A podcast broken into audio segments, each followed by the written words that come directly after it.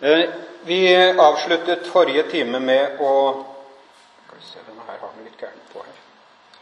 Med å, å presentere en av disse politiske profet, profetene. Det er ganske mange av dem. Eh, men noen gjør seg sterkere gjeldende enn andre. Og denne Johnny Enlow han kom med sine profetier, eller skrev disse bøkene sine rundt 2008-2010, som jeg sa i forrige time. Og han har også kommet med mye mer, særlig nå i senere tid. Men det er klart at, eh, at en spør seg um, hvordan Også denne ideen om USA som Guds utvalgte nasjon, den, den, nok, den ligger kanskje i, i, det amerikanske livet på en måte, men den dyrkes frem og på en måte blir ja, løftet frem nærmest som en slags profetisk eh, visjon innafor denne bevegelsen. Eh, NAR-bevegelsen skal reformere USA først. Eh, de skal rekristne USA, det er tankegangen. Og det skal de da gjøre ved å opprette allianser med sekulære ledere. Deretter, som jeg sa, så skal USA og NAR-bevegelsen rekristne ca. 150 nasjoner. Det mener man at man kan ta ut av, av en tolkning av denne landingen på Hudson River i sin tid. Det skriver denne Johnny Endow om, og den er det mange som kjøper, faktisk. Og så, når det har skjedd, ja, så, så eh, kommer Jesus igjen. Men så når man ser disse forventningene som da ble eh, rullet opp, kan du si, på, for en tiårs tid siden, så stiller man spørsmålet ja, hvordan skal dette realiseres? Hva, hva fører dette til rent konkret? Leser man eh, disse profetiene som sagt av denne Johnny Enlove, så, så ser man du, du ser liksom tegningen av, eh, av noe. Men eh, så kommer det andre profeter etterpå som blir atskillig mer detaljerte i sine politiske visjoner. Eh, allerede på 1990-tallet så var det en, eh, en som titulerte seg som biskop, som heter Bill Hammond. Han regnes også for å være en forløper for denne bevegelsen, eller en som er premissleverandør, da omtrent nesten på samme nivå som denne, denne Wagner. Han, eh, had, han, mente selv også at han var et profet, og eh, snakket allerede den gangen om at det ville opprettes en allianse mellom USAs president og den karismatiske NAR-bevegelsen. Det lå, det ble på en måte plantet som en forventning allerede på 90-tallet.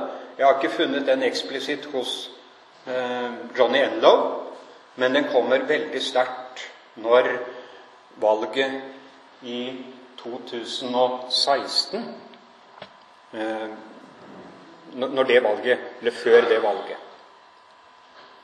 Eh, jeg skal vise et bilde her. Where does President Trump fit into the apocalyptic prophecies? Dette her handler altså om hvor det ligger, dette er hentet ifra et magasin som heter Charisma News. Og man diskuterer på ramme alvor Donald Trumps plass i endetiden. Da begynner det å bli ganske konkret. Det gjør det. Eh, jeg vet ikke Den gangen før valget i 2016 eh, så Ja, det var jo en stor overraskelse at Trump vant. Jeg trodde nesten ikke mine egne øyne da jeg våknet eh, morgenen etter holdt jeg på å si, og så at han ledet.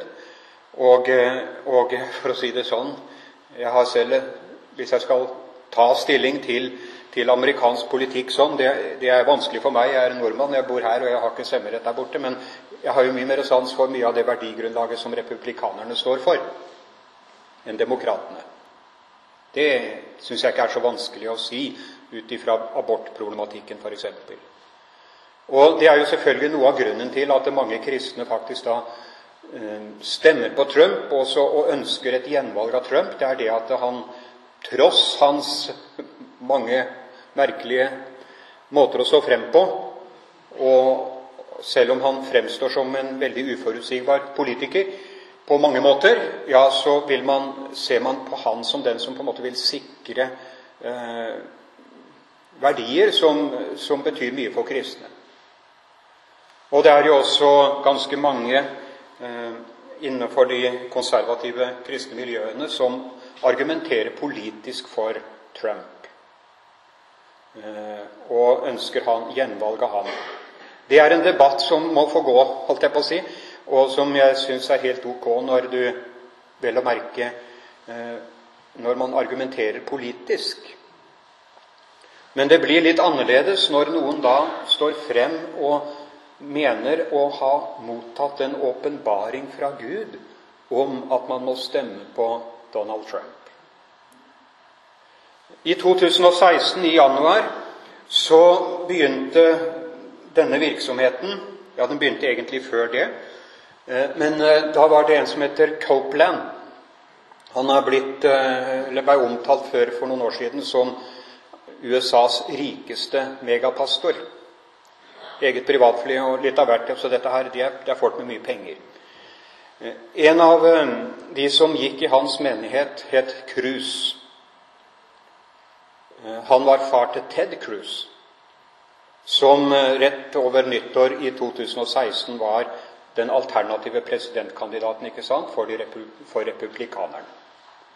Ute på YouTube så ligger det en, eh, en eh, seanse der hvor Copeland eh, profeterer i menigheten sin om at Gud har salvet Ted Cruz til å bli USAs neste president.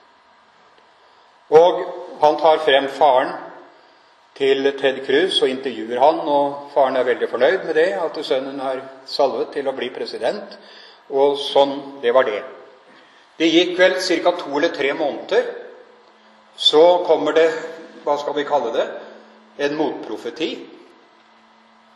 Eh, den gangen av en som heter Lance Walnow. Og han kommer til å gjøre seg veldig sterkt gjeldende fremover. Han sier at det var feil den profetien om Ted Cruz. Den som Gud har salvet til å være USAs neste president, det er Donald Trump. Og eh, et visst nedslag fikk jo akkurat det der i, i disse miljøene. En må vel Ja, hvor stort er det, vet jeg ikke, sånn sett, og hvordan det har påvirket valget. Men alle monner drar, selvfølgelig. Men sammen med han så kom også andre etter hvert og eh, stilte seg bak og, og, på en måte mente det. Det var Guds vilje faktisk at Donald Trump skulle, skulle velges.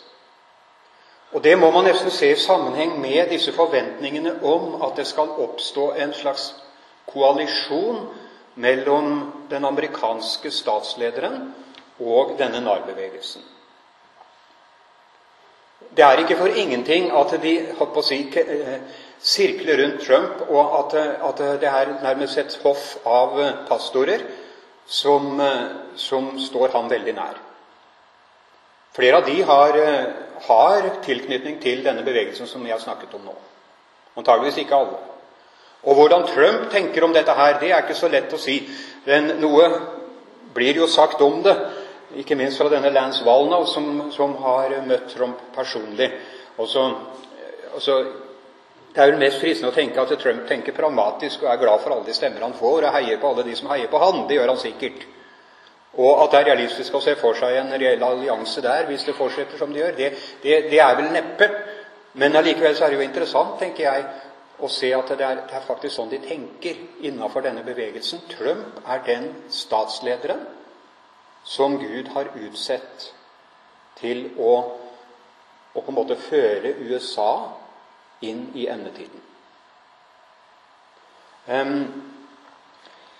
like etter valget i 2016 så ble det sluppet en bok som da var skrevet av Eller det var egentlig skrevet av en ghostwriter, var det vel? Eller en som da eh, av en Men det handler da om profetier som en person som heter Mark Taylor, Eh, skal ha fått om Donald Trump allerede i 2011 eller 2012.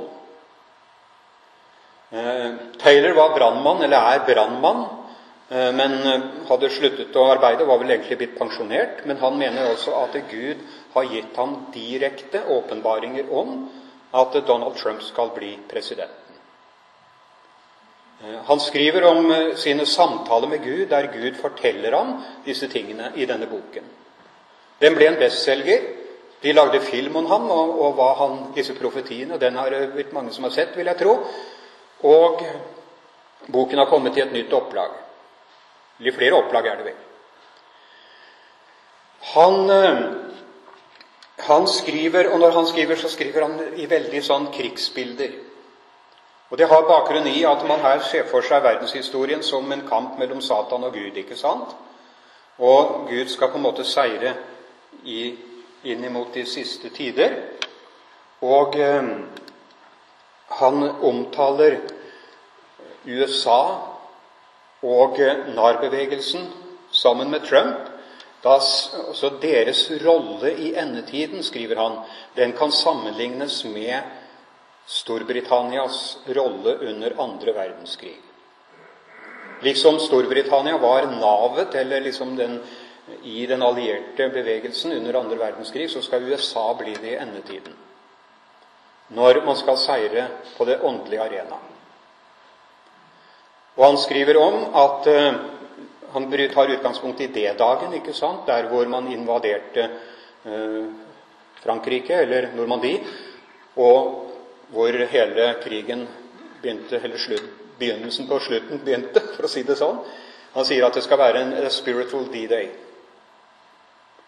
Og da er det USA, sammen med disse som da er utrustet til det innenfor NAR-bevegelsen, som skal invadere eh, den politiske arena. Um, det skal begynne med USA.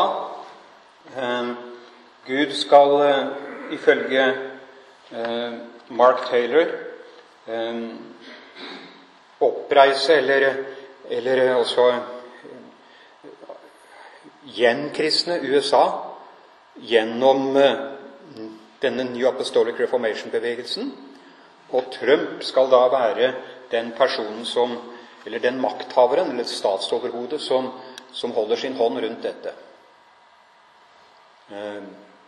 Johnny Enlow har skrevet at han anser Trump som den personen som på en måte er døråpneren for hele denne prosessen. Ehm, det var den boka i all korthet. Eh, denne Lance Walnow, som jeg nevnte, han har også da profetstatus innafor New Apostolic Reformation. Han eh, har skrevet en bok som heter 'God's Chaos Candidate', Guds kaoskandidat, altså det er om Donald Trump, hvor han eh, utvikler en egen teologi om Donald Trump. Og Han har skrevet en artikkel og flere, ikke sant, og har en nettside der det er ikke lett vanskelig å finne hvis man googler han, eh, ikke minst på YouTube. Han, han har også, også, Det kom, en, kom en, en, artikkelsamling for noen år siden som het 'Invading Babylon'. Også invasjon av Babylon, det babylonske riket. Og, og, Der skriver Walnau en av artiklene, og utgiveren for denne boken, der hvor flere andre fra denne bevegelsen skriver, det er Bill Johnson. Bill Johnson er kanskje den mest sentrale etter at denne Wagner døde i 2016. Men nok om det. Hva er det denne, denne eh, Walnow egentlig står for? Han, han, har måte, som sagt fått status som en, ja, den fremste av disse politiske profetene. Det han skriver, det blir nærmest lagt, ja, lagt som et grunnlag for å forstå endetiden. Og han forteller i denne boken om hvordan han leser Det gamle testamentet, og eh, hvordan Gud forteller ham hvordan diverse tekster i Det gamle testamentet er å forstå. Gud vil, God will play the trump card, sier han. Ja, bruker en sånn retorikk, ikke sant? Og så skriver han i denne boken at Gud åpenbarte for ham mens han leste Jesajas 45. Eh, hva som står i Jesajas 45, det er om perserkongen Kyros, som eh, slapp, eller sørget for at Israel fikk reise tilbake til sitt land. Eh, han er et forbilde på Donald Trump, ifølge Valna. Så derfra kommer dette, denne oppfatningen. Også Trump blir i, i senere år da kalt for vår tids Kyros. Det har også sammenheng med at han da opprettet den, den, eller flyttet den amerikanske ambassaden til Jerusalem. Det skjedde faktisk 70 år etter at den israelske staten ble opprettet. Så Netanyahu kaller han også for for, for, for Kyros, men antageligvis da mer som en betegnelse på en som da er venn med Israel. Men man bruker disse årstallene og mener at det bekrefter at Trump har en spesiell rolle i endetiden. Um, hvorfor i all verden kan man tolke Jesajas 45 på Donald Trump? Jo, en av grunnene, en av de, de tingene som Walnow viser til, det er at Donald Trump er USAs 45. president. Så det passer veldig godt. Eh, han utvikler en teologi etter hvert der hvor han snakker om at, eh, at denne Kyros, perserkongen Kyros, han er en slags prototyp, arketyp, kaller han det, på en viss type statsledere statsledere som Gud har utvalgt til spesielle oppdrag. Og Trump er kanskje den mest fremtredende av disse, men han viser også da til f.eks. Eh, Winston Churchill, Margaret Thatcher og stort sett britiske eller amerikanske eh, fremragende politikere, som han sier da har vært, eh, har vært Kyros-politikere som, som, har betydd mye for verden. Og så da, da blir det litt et hakk i overkant, for å si det mildt. For eh, det som skjer i, i, i kjølvannet av dette her, det er det at, de, altså at man har en retorikk med tanke på valget av Trump nå som, som, som baseres på angivelige profetier. Eh, denne Valnav skriver i denne boken sin at eh, han også har fått åpenbart av Gud at Gud salver enkelte sekulære politiske ledere. Han sier at det bryter egentlig med den teologien jeg er opplært i, for egentlig er det bare kristne som, og Jesus som er salvet. Men innenfor denne NAR-bevegelsen så sier man jo at når en kristen får utløst det overnaturlige potensialet som er nedlagt i ham, da blir han en salvet. Bill Johnson skriver om det. Du, du får Kristus-salvelsen. Og han har, Se på Jesus Kristus. Han har, eh, skriver om at Jesus la fra seg sine guddommelige evner og egenskaper da han ble menneske. Han levde som et menneske. Han kunne ikke gjøre under og tegn, men ved sin dåp så får han da Den hellige ånd tilbake, eller får denne guddomskraften, og så lever han som et menneske, som et karismatisk forbilde. Og vi kan gjøre større tegn og under enn Jesus, sier man i fortsettelsen av det. Og vi kan også bli som Jesus og gjøre under og tegn som han. Det har vært læren om salvelsen innenfor denne bevegelsen i mange år. Og da, da bryter det litt med denne læren når, når den godeste Valnev da sier det finnes også sekulære, politiske, salvede ledere. Personer som Gud har gitt en spesiell utrustning og en spesiell status i sin si, endetidsplan. Og Donald Trump, skriver han rett ut, er Guds salvede. Jeg må jo ærlig talt si jeg syns det der er ganske skummelt å lese.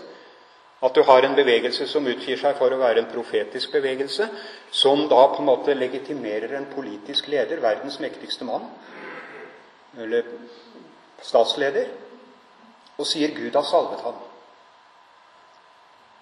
Og vi vet jo godt hva ordet 'salvet' betyr, hvis vi oversetter det tilbake til gresk og hebraisk. Det er jo ordet Messias og Kristus. Det tror jeg ikke vi skal glemme. Dette er en form for messianisme. Og man har en slags forventning som rettes mot et statsoverhode om at han skal være en Messias. En sekulær Messias. Det Jeg må nesten si jeg syns det er skremmende. Hva Trump nå står for når det gjelder verdier osv., og, så og hvordan han oppfører seg, det, ja, det, det kan man vurdere ut ifra et politisk grunnlag, mener jeg. Og man må veie det ene, si, ene argumentet opp mot det andre. Og så må man ta en konklusjon. Men, eh, men når han da opphøyes til en Messias, da har man plassert ham inn i en kategori der hvor ingen statsleder hører hjemme. Um, dette her, det, det med den, disse forventningene til Trump, de har på en måte bygd seg opp fra 2016 og kanskje enda mer fra 2017 og 2018. Hvis man går inn på en av disse nettbokhandlerne, Amazon, og skriver eh, 'Prophecy Donald Trump', så vil det kanskje komme opp jeg ville tro en 50-60 bøker som alle handler om det spørsmålet. En som heter Steffen Strang, det er han som har grunnlagt denne nettsiden. Veldig stor innflytelse. Han har skrevet flere bøker i det siste der hvor han argumenterer for Donald Trumps rolle. Og selvfølgelig i forlengelsen av det for at kristne må stemme Trump. Og det er akkurat det som kanskje jeg skal prøve å si litt om helt på slutten. Um, man, når man går inn i holdt jeg på å si, presidentvalget, så sier disse profetene at det er Guds vilje at Trump skal, skal eh, få en ny periode. De har et eget syn på profetier. Det kalles open theism. Og Det betyr at, at Gud kan, på en måte går inn i en slags allianse mellom, mellom mennesker og menighet på den ene side og, seg selv. Og når det da kommer en profeti, så er oppfyllelsen av disse profetiene til en viss grad avhengig av om folk er lydige. Det ligger på en måte i hele denne tenkningen at eh, lydighet imot profetiene det er nødvendig for at profetiene skal oppfylles. Vel, vel, da blir det selvoppfyllende. Men det er det de går ut med. Kristne mennesker må spille på Guds side. De må stemme Trump for at Guds plan skal oppfylles. Eh, det ble skrevet en del om det, og det skapte litt oppsikt da Chris Wallaton, som da er eh, leder for eh, denne School of Supernatural Ministry i Bethel Church. Så han er eh, Bill Johnsons nærmeste medarbeider. Han er profeten i den menigheten. Han gikk ut på en podkast og på YouTube med et 45 minutter langt profeti, var det vel nærmest, der hvor han pålegger sine tilhørere å stemme Trump. Du påfører deg Guds frede dersom du ikke gjør det. Gud har en plan, og av og til så handler Gud på en slik måte at han slår menneskers vilje til side. Gud, det, det var jo denne riksrettsprosessen som sto for dagen da. ikke sant? Og han sa at Gud kom til å stoppe den. Det gjorde han jo. Eller hva var det denne som stoppet, vet ikke jeg, men det ble ikke noe av den. Men han sier det veldig tydelig i, i denne profetien at, eh, at det kristne mennesker, for å være på Guds side, så må de stemme på Trump. Og Jeg har møtt mange som har blitt veldig overrasket over at en, en, en, toppleder innafor Betel Church kan si noe sånt. Men det har han også sagt. Eh, hele greia er, er presentert i Christian Post, et ganske stort magasin som ligger ute på, på nettet. Og, eh, og, eh, det har sin virkning, selvfølgelig. Han er også bare én av disse. Man utvikler en anvendelse av, av størrelser og personer og hendelser i Det gamle testamentet. Man tolker dem nærmest da som type, eller hendelser som skal gjenta seg i moderne historie. Og det er klart at når Kyros, eller Trump utnevnes til Kyros, og, og, Babylons eh, fangenskap er på en måte rammen for å forstå kristne, den kristne menighets situasjon i USA og verden ellers. Eh, ja, så skjønner man jo hvem som er forbildet for menigheten i, eh, i den siste tid. Det er jo profeten Daniel og hans venner. Så liksom denne Johnny Enlow brukte Josef som et forbilde da på på hvordan kristne skulle gå inn i en allianse med, med en politisk leder, så bruker, bruker denne Walnow han viser til Daniel. Og Han sier, skriver at disse vennene til Daniel de fikk eh, herske over forskjellige områder ikke sant, i det store landet. Og på samme måte skal kristne da gjennom narbevegelsen få dominans inn i forskjellige sektorer i samfunnet. Og Daniel selv han hadde jo da, ble jo opphøyet til en visehersker, og på samme måte skal da denne bevegelsen gå inn i et, en allianse, da, ifølge tankegangen, med den amerikanske presidenten. Jeg, jeg gnir meg i øynene når jeg leser det, men det er faktisk det jeg har lest. Det tenker de. Og jeg har eh, Det er jo forholdsvis kortfattet, det jeg sier nå, men, men eh, men en kan jo ikke la være å tenke litt på hva slags bilde blir det liksom av, av, av den, den, staten de ser for seg. Jeg vil jo si det er høyst urealistisk, alt det de sier. Det er det jo. Men hvordan vil, i tilfelle man skulle opprette noe sånt, ja, da ville du jo fått en herskerklasse i samfunnet. Du ville fått disse som har fått gjenopprettet Guds bilde, og som har dette potensialet utløst. De, de har på en måte, det er de som skal utøve herske eller herredømme over jorden. Og det sier de veldig tydelig. Når Bill Johnson f.eks. For forklarer hva en apostel er, så sier han at en apostel det er opprinnelig en, en person som i den, greske, eller i den romerske institusjonen og i, i eldre i verdensriker så sier han, apostelen var fyrsten eller herskerens stedfortreder. Apostlene var personer som representerte eh, keiseren eller den store konge, og som var guvernører ikke sant, innenfor sine regioner. Og de hadde en delegert makt inn i sine områder.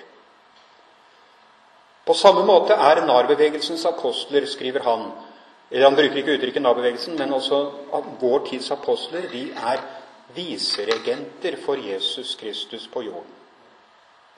Og de, må de, man, de, de fordrer full underkastelse, skriver de. Alle menigheter, også de kristne, må underkaste seg deres ledelse fordi de har en autoritet til å styre innenfor regioner eller verdensregioner.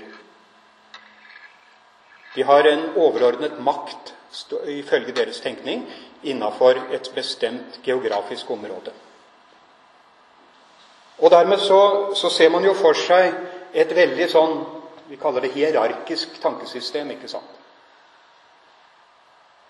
Um, og det har man jo visst i mange år, at uh, disse menighetene de er veldig autoritære. Topplederen har, blir på en måte besett på som Guds Guds representant. Han er den som det hele på en måte styres etter. Og det der blir da overført til i den grad de tenker politisk. Skal det opprettes en allianse mellom en slik bevegelse og en, en salvet president, ja, så har du egentlig så blir jo da det vi kan kalle deres menighetsstruktur, den blir gjort om til politisk sånn blueprint. De bruker jo det uttrykket. Også et paradigme. Og Selv om de sier at de er demokratiske og vil kjempe for demokratiet, så gjør de jo ikke det. Dette her blir eh, dette her er en veldig la oss si, autoritær tenkning. Ehm, den er ideologisk mer enn religiøs og kristelig. Og jeg vil påstå de går mye lenger enn denne Rushdony, som mange syns gikk vel langt, selv han. De, de, ser for seg som sagt en slags det blir en slags herskerklasse hvis dette overhodet kan realiseres. og det, det, det, kan man ikke se for seg. Men, men de tenker sånn. Ehm, du får en elitisme eh, som eh, i hvert fall gjør seg gjeldende i den forstand at man ved retorikken de bruker, da påvirker eh, i hvert fall en del av stemme, stemme de som skal stemme i USA. Um,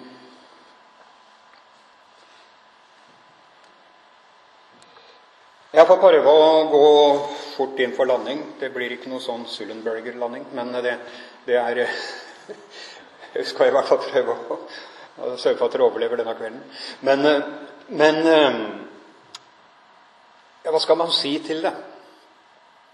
Det er selvfølgelig veldig mye å si ut ifra et annet syn på den kristne tro. Eh, den politiske tenkningen deres og eh, tanken om at den som måten de bruker begrepet salvelse på, det, den syns jeg er svært ubibelsk. Jeg husker jeg hadde et lignende foredrag som dette her i Misjonssalen for noen år siden. Eh, da fikk jeg en mail fra en person etterpå som syntes det var gresselig interessant. Jeg snakket om det ut ifra situasjonen den gangen. Og vedkommende grep fatt i dette med salvelsen. Det er jo bare én som er salvet. Og som vi skal kalle den salvede, og det er Jesus Kristus. Og når et menneske settes inn i den kategorien, ja, da har vi å gjøre med noe antikristelig. Jeg tror jeg våger å si det. Og det er derfor, eh, det er derfor dette her, mener jeg, selve mentaliteten Jeg vil nesten si den er farlig. Ehm, det er eh, Når det kombineres med amerikansk nasjonalisme, så syns jeg ikke det blir mindre farlig. Og jeg tror, må, jeg tror at akkurat dette aspektet ved denne bevegelsen som jeg har vært inne på nå, når det gjelder disse nasjonale ideene de har, ja, så tror jeg det er nesten, så å si ukjent i Norge. Men vi må jammen sette oss inn i det. Vi må, vi må være klar over at også det, dette er en side ved måten de tenker på. Det er ikke så mange år siden jeg oppdaget det selv. Man kaller det for, De sier det selv dominion theology. Også det er en teologi, Herredømmeteologi kan det oversettes som. Det er en teologi som handler om hvordan denne menigheten skal få herredømme over jorden. Og man tenker også at det skal skje i allianse med, med, med politiske ledere.